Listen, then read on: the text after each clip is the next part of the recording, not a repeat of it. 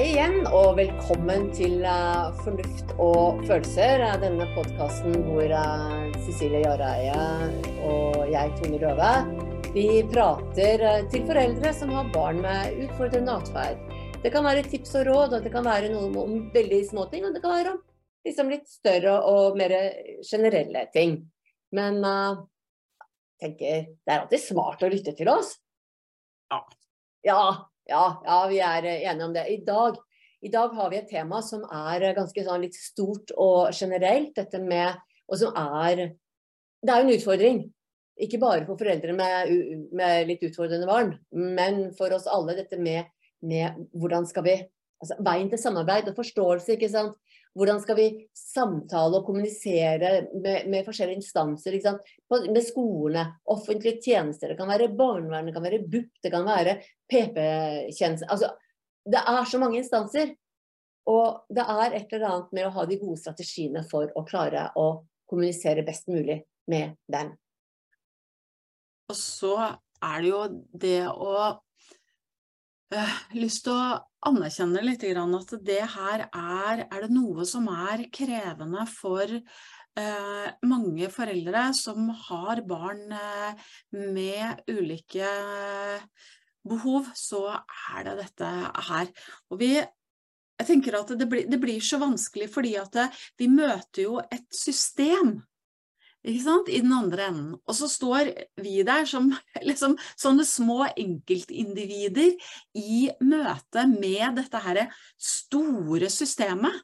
Og det å også sånn huske på at det når du snakker med denne her, eh, personen på psykologen på, på BUP eller læreren eller hva det nå enn er, så snakker du med en person som er en representant for et stort system. Mm. Og som antageligvis kan jo kanskje kjenne på mange av de samme utfordringene og begrensningene med dette systemet som det du gjør. Og det er jo også vanlig eh, for mange å føle seg ganske liten når vi møter dette systemet.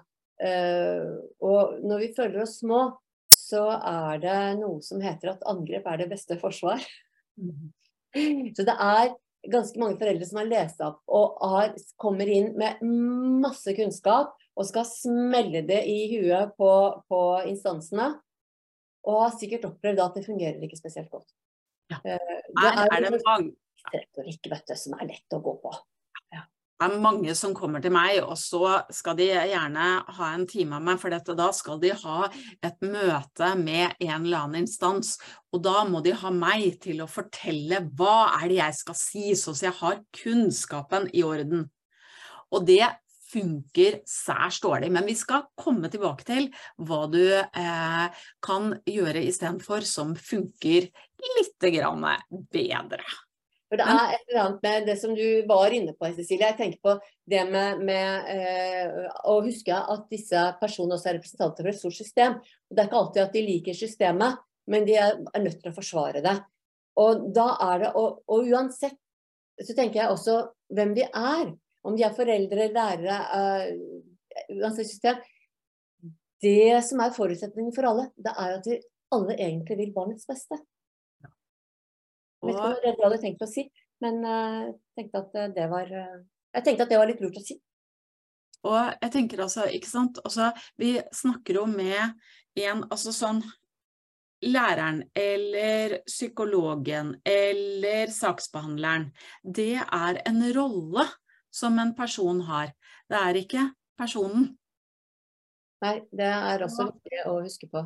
Mm. Så jeg har Altså, jeg har gode erfaringer med å på en måte sånn snakke til mennesket bak eh, rollen ved å si at jeg skjønner at, at du også at du er i et system. Og nå er det du som får all min frustrasjon i liksom sånn For det systemet. Men det er ikke, det er ikke deg jeg er irritert på.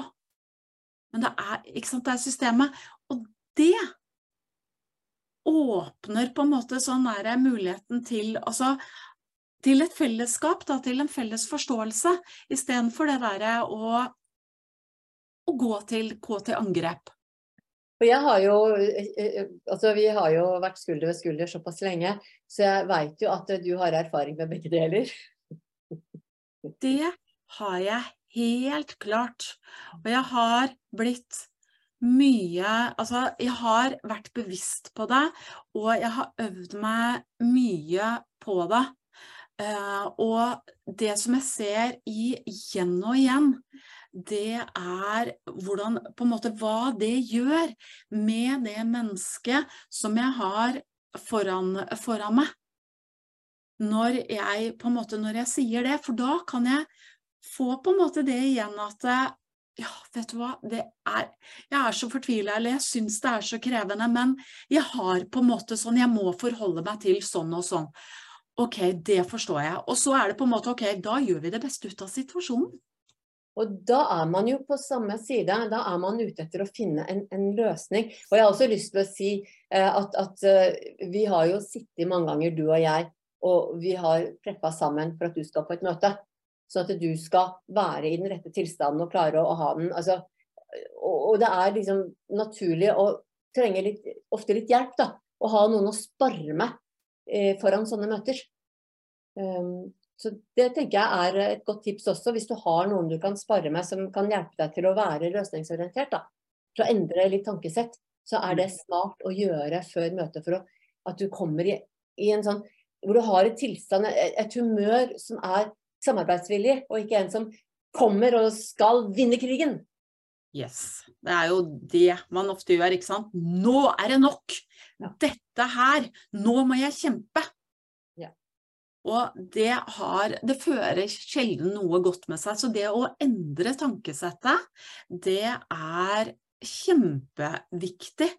Og igjen, så ikke sant? Du må akseptere at OK, du står overfor et system. Det systemet, det har noen begrensninger. Du kan like eller ikke like de begrensningene, men det er sånn for det. Det handler jo også om å sortere litt. Hva kan du gjøre noe med, hva kan du ikke gjøre noe med. Hvor kan du påvirke, hvor kan du ikke påvirke. Og så legge kreftene dine til der du faktisk kan påvirke, istedenfor å sparke, prøve å sparke inn lukkede dører. da. Dører som ja. du alltid kunne åpne uansett hvor mye du hardt du sparker og, og, og, hvor mye du slår. Og i eh, snakkende stund, holdt jeg på å si, så leste jeg akkurat eh, nå i Det var vel NRK som hadde det, at eh, nå er det store utfordringer i forhold til kapasitet. Og dette her er nok noe som etterdønninger sikkert etter pandemien nå, tenker jeg, men hvor vi ser at i forhold til det å det å vente på utredning innenfor autisme særlig, det er nå oppimot et, kan være oppimot et år. Og det er frustrerende, ikke sant? Men så er det like så fullt. Det er ikke noe som du eller jeg kan gjøre noe med. Da er det å se på ok, det kan jeg ikke gjøre noe med, men hva er det jeg kan gjøre noe med i den situasjonen? Så hvis vi bare sånn kjapt på dette å endre tankesettet, ikke sant. Det, det er liksom uh, natur å føle seg maktesløs. Det er, uh, det er, mye du ikke kan kontrollere. Det, forsøk å finne ut av hva, hva kan det påvirke og ikke. Aksepter tingene altså, sånn som det er. Du bør ikke like det, men aksepter det. Ha et sånn realistisk forhold til hva er det som er mulig å oppnå. Uh, og når du da endrer tankesettet på at dere skal samarbeide og finne en felles løsning, altså ha fokus på å finne løsninger og når vi skal gjøre alt dette, så er det utrolig viktig på forhånd å legge følelsene igjen utenfor møterommet. Disse sterke, sterke følelsene som gjør at du mister huet og mister, eh, mister kontakt med tenkehjernen. Mm. Det er viktig at, de, at du legger igjen dem utenfor. Og her må jeg si at jeg snakka i stad om hvor mange som kommer til meg og så vil ha på en måte den liksom vite hva de skal si. Det som jeg har gjort med stort hell med, med mange, det er å preppe de mentalt for et, et møte. Det og sant, klare å legge fra seg de eh, tankene. Sånn så. Og det er også det jeg gjør selv veldig bevisst før jeg skal Før jeg går inn, så er det om jeg sitter i bilen eller hva jeg nå enn gjør, så er det sånn OK. Jeg gjør meg mentalt klar for det som møter meg. Sånn så jeg kjenner meg sterk og er på en måte i state og er klar for det som kommer. Sånn så jeg ikke føler meg som den derre stakkars lille, slitne mammaen. Men at du er en som faktisk kan være med og bidra til å finne gode løsninger for ditt barn. For det, altså, som tidligere lærer, så var det jo det vi ønska, selv om det ikke alltid kunne oppleves sånn for de foreldrene som var, fordi at det var dette systemet. Men når du tar inn alt dette og prepper deg, så kan du gå fra den følelsen av maktesløshet til faktisk å være handlingsorientert. til å bli en konstruktiv part i et samarbeid. Og det er liksom den endra tankesettet som er så innmari viktig å ta med seg inn. Mm. Og hvis du blir tatt av den der følelsen det, det kan være at du kan føle at du har på deg en kappe hvor du kler på deg en rolle som handlingsorientert. Det kan være hvis du da blir veldig sånn følelsesmessig engasjert i møtet. Kanskje du bare rett og slett bare skal lene deg litt bak, gå en tur på do. Eh, altså, et, nå trenger jeg en pause. Det kan være ærlig å si å gud, nå blir det litt mye for meg. Jeg trenger å lufte, lufte meg litt. Grann. Får jeg to minutter? Mm. Og det vil du som oftest få, ikke sant? for da kan du gå av deg litt og puste og riste av deg den helt oppi følelsen. Fordi når vi er helt oppi det, så klarer vi ikke å tenke lenger. Og da er vi ikke konstruktive. Eh, da går vi jo gjerne i eh, Da, da får vi verken flykta eller eh, Noen fryser og blir helt passive, og andre går til angrep. ikke sant? Så det, det, det, ikke noe av det fungerer. Så det beste er å klare å beholde den. Å ha med seg tenkehjernen. Tenkedelen av hjernen. Og en, Det som eh, kan hjelpe for å gjøre det, det er jo det å, å forberede deg til møtet. ikke sant? Altså, ok, Hva er det jeg har lyst til å få fram her? Hva er det viktig for meg å formidle?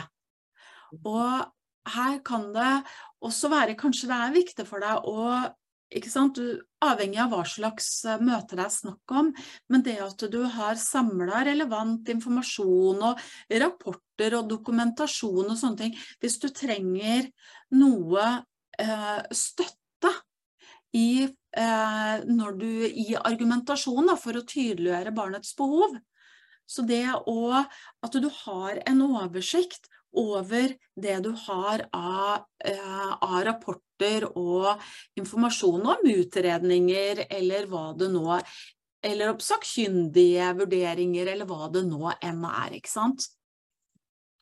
Da kommer du informert, og det er jo innmari altså, veldig praktisk, da. Og det er jo mye lettere å være handlings, handlingsorientert da også. Så er det nettopp med at du er der fordi at barnet ditt faktisk har utfordringer. Og det nytter jo ikke å gå i forsvar og late som barnet ikke har utfordringer. Så et eller annet med å være så nøytral og så objektiv du klarer når du tenker på barnets utfordringer, og samtidig også være klar over at du som forelder, du som mamma, pappa, du vet, du kjenner barnet ditt. Du veit veldig godt hvor skoen trykker, og ikke glem det oppi det hele. Læreren vil også vite mye, men vil vite andre ting.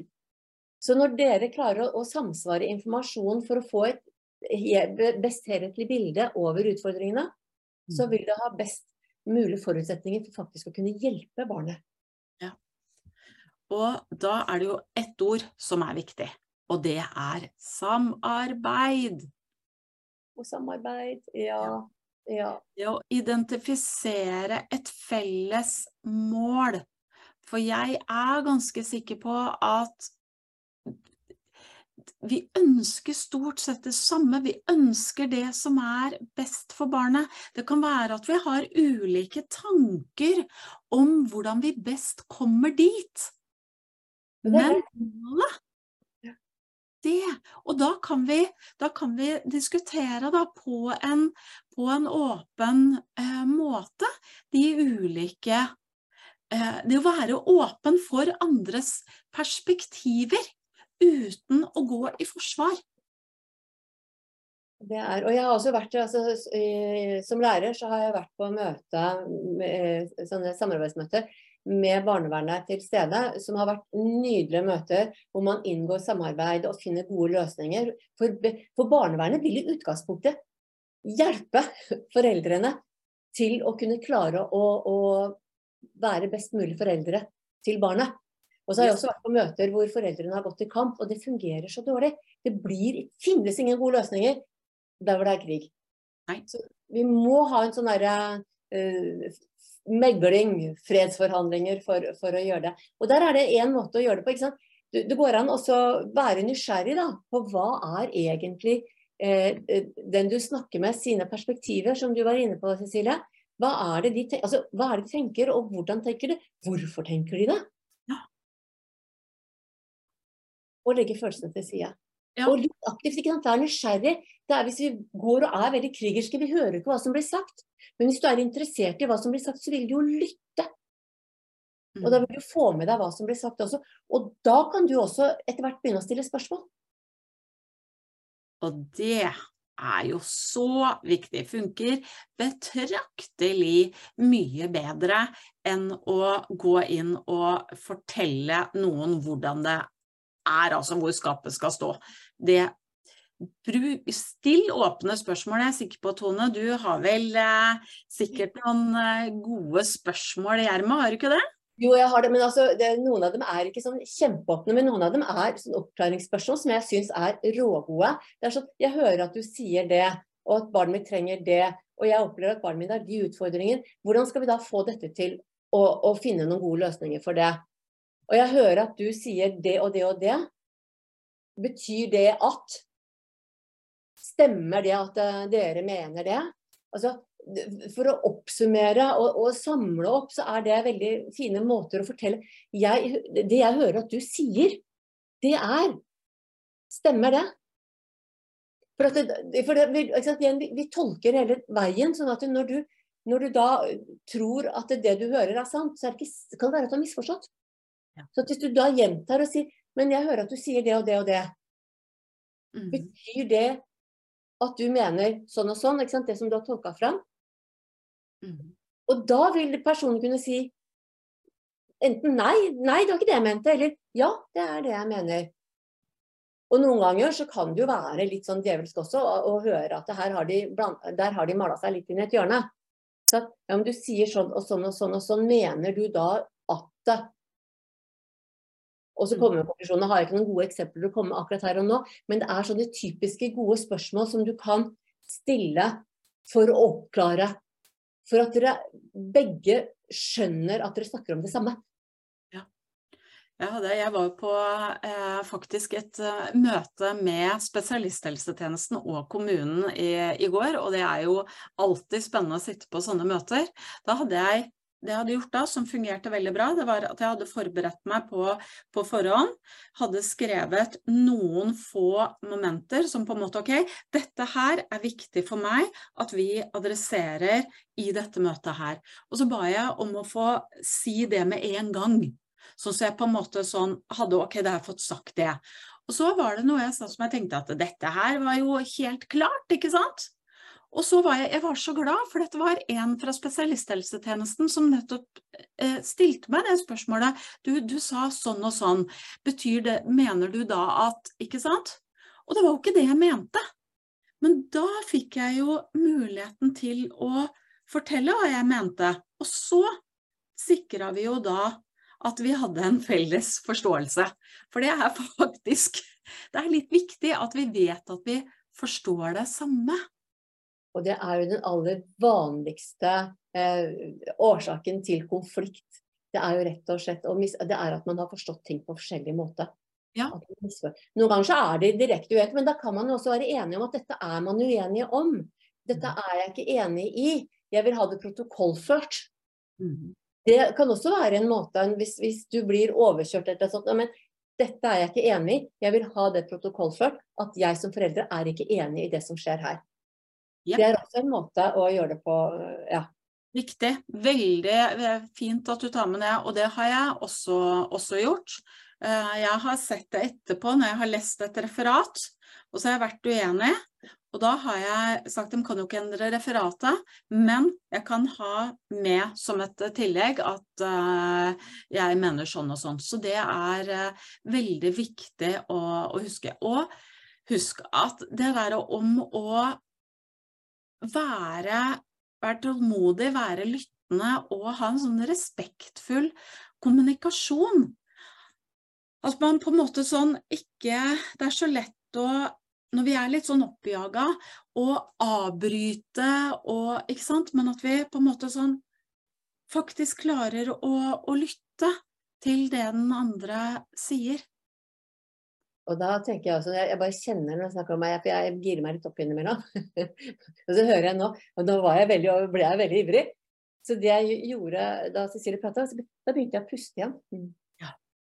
Kunne roe meg ned. Og det er også et av de Vi snakker om det hele tida, men det å klare å puste helt ned i magen og bruke pusten til å roe deg ned, er genialt i sånne sammenhenger også. Når du kjenner at du begynner å sitte på dårlig. bare da klarer du å lytte, og da klarer du å få med deg veldig, veldig mye mer, altså. Mannen min og jeg vi har faktisk fått det sånn når vi sitter eh, sammen på møter, så har vi nå, for dette nå, Vi kjenner jo hverandre, leser hverandres kroppsspråk, ikke sant. Så nå kan vi på en måte bare sånn gi et blikk, eller i går så fikk jeg en liten sånn, bare en sånn liten hånd på låret mitt. Og det var et tegn på at på en måte bare sånn OK. Så, det er, så hvis dere går sammen på, på, på møter, så bruk hverandre også. Hjelp hverandre til å være rolig, for det er, det er faktisk eh, så utrolig, utrolig viktig. Og igjen det, på slutten av møter også oppsummer. Pass på at det er en oppsummering, og at det er en sånn eh, Man vet hva de har blitt enige om. Hvordan skal det, og ikke minst hvordan skal dette tas videre? Hvem skal gjøre hva? Hva, har du noen oppgaver? Hva skal du eventuelt gjøre? Hvem skal du få referat fra? Altså, hvem gjør hva videre framover? En slags handlingsplan. Få en klarhet i det. Ja, og det tenker jeg altså, Jeg har ofte tenkt at sånne ting er jo på en måte Det er jo eh, instansen sitt ansvar, på en måte. ikke sant? Og det er det jo også. Både det å på en måte drive møtet framover, at vi fokuserer på de eh, riktige tingene, at vi på en måte sånn er detaljert nok i eh, samtalene, og ok, hvem skal gjøre hva nå? Men jeg erfarer veldig mange ganger at sånn er det ikke. Og da tar jeg rett og slett da tar jeg regien på det der sjøl, ikke sant.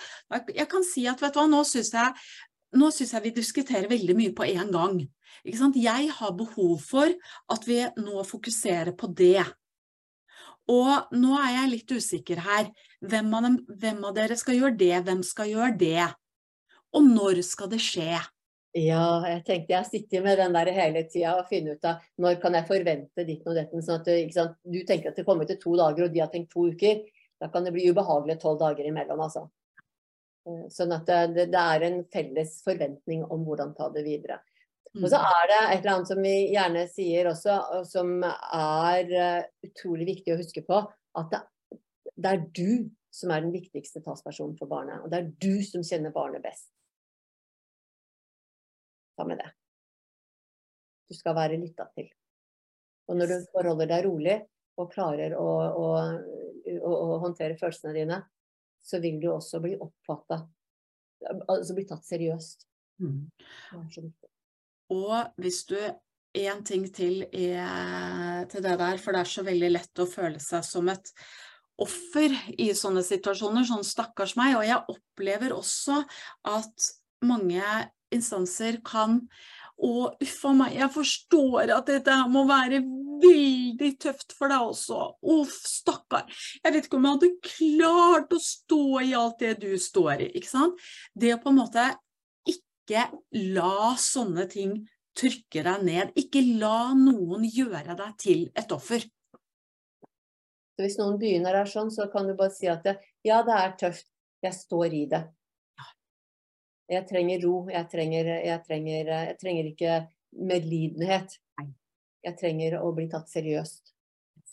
At du bare har det å gå inn og si det på en ålreit måte. Men ja, vi er vel i grunnen igjennom, er vi ikke det? Ja? Vi er igjennom. Håper at uh, dette her var uh, nyttig. Og som alltid, vi er, vil veldig gjerne ha tips til temaer som Tone og jeg skal skravle om. Vi har mange ideer, vi, men vi vil veldig gjerne ha dine tanker også, sånn at det blir mest mulig nyttig for deg som lytter. Da gjenstår det bare å si, Tone Takk for i dag, og så på gjenhør. På gjenhør.